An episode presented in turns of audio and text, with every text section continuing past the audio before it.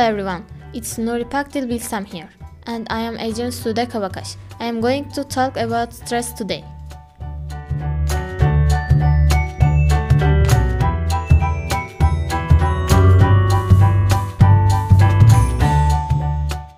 Five ways to prevent stress buildup. There is no avoiding the stress of everyday life.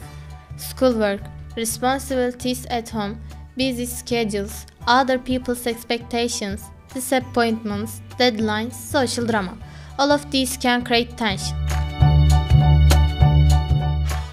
Everyday stresses have a way of piling up if we don't keep them in check. Adding these 5 simple actions to your regular routine can help you avoid that bogged down by stress feeling. The key word is routine. You need to make sure you keep doing this to enjoy the benefits.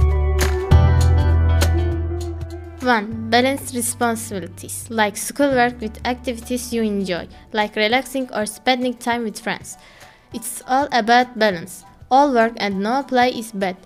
But if your schedule is so crammed with activities that there's no time for homework, that will stress you out too.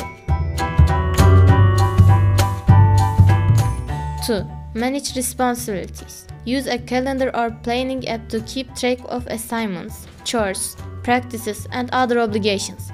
Of course, planning is no good if you don't actually do what you plan. Managing stress also means regular studying, keeping on top of assignments, and overcoming hesitation. Take time to reflect a bit every day and think about, about how things are going. What do you need to work on to make time for? 3. Eat healthy foods. What you eat affect your mood, energy, and stress level. Eating healthy doesn't mean avoiding all treats. It goes back to that balance thing again. It's okay to treat yourself to ice cream occasionally if you ate a salad or turkey and whole wheat for lunch. But if ice cream and sweets are your main source of fuel, you're likely to crash or feel cranky and stressed. 4. Get proper sleep. This may seem like a no brainer. After all, who doesn't love to sleep? But getting the right amount of sleep is actually something we need to focus on because it's easy to let homework, talking to friends, or binge watching get in the way of sleep.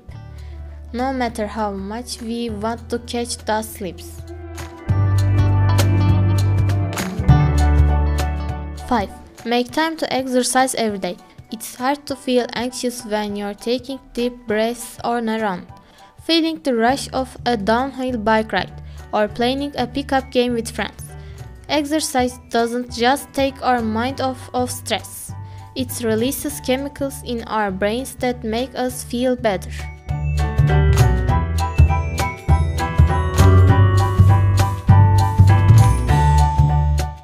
Learning to manage stress means building coping skills that allow you to take everyday challenges in stride.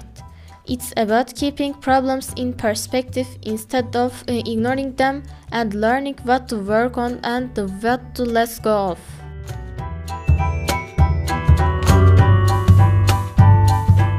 My name is Ejrin Sude Kabakash. Thank you for listening to me.